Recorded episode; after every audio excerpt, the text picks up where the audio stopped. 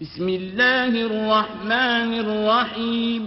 شروع اللہ کے نام سے جو بڑا مہربان نہایت رحم والا ہے۔ لم يكن الذين كفروا من أهل الكتاب والمشركين منفكين حتى تأتيهم البينة جو لوگ کافر ہیں یعنی اہل کتاب اور مشرق وہ کفر سے باز رہنے والے نہ تھے۔ جب تک کہ ان کے پاس کھلی دلیل نہ آتی۔ رسول من اللہ يتلو صحفا مطهرة یعنی اللہ کے پیغمبر جو پاک اور آق پڑھتے ہیں۔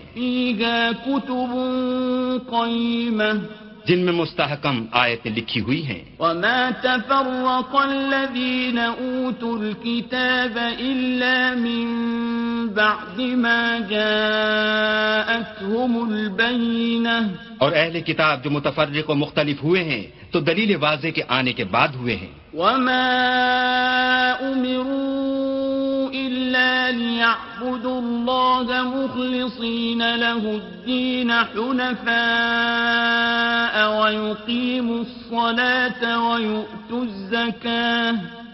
وذلك دين القيمة.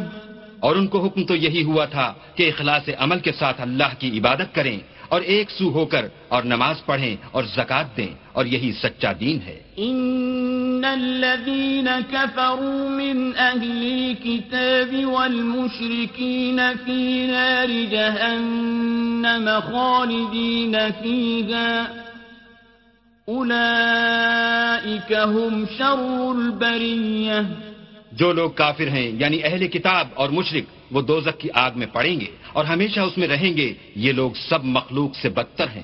إن الذين آمنوا وعملوا الصالحات أولئك هم خير البرية اور جو لوگ ایمان لائے اور نیک عمل کرتے رہے وہ تمام خلقت سے بہتر ہیں۔ جزاؤهم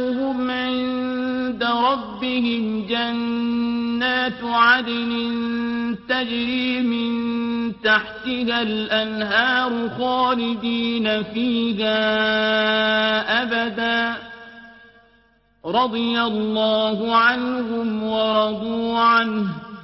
ذلك لمن خشي ربه. ان کا صلہ ان کے پروردگار کے ہاں ہمیشہ رہنے کے باغ ہیں، جن کے نیچے نہریں بہ رہی ہیں، ابد الآباد ان میں رہیں گے، اللہ ان سے خوش اور وہ اس سے خوش۔ یہ سلا اس کے لیے ہے جو اپنے پروردگار سے ڈرتا ہے۔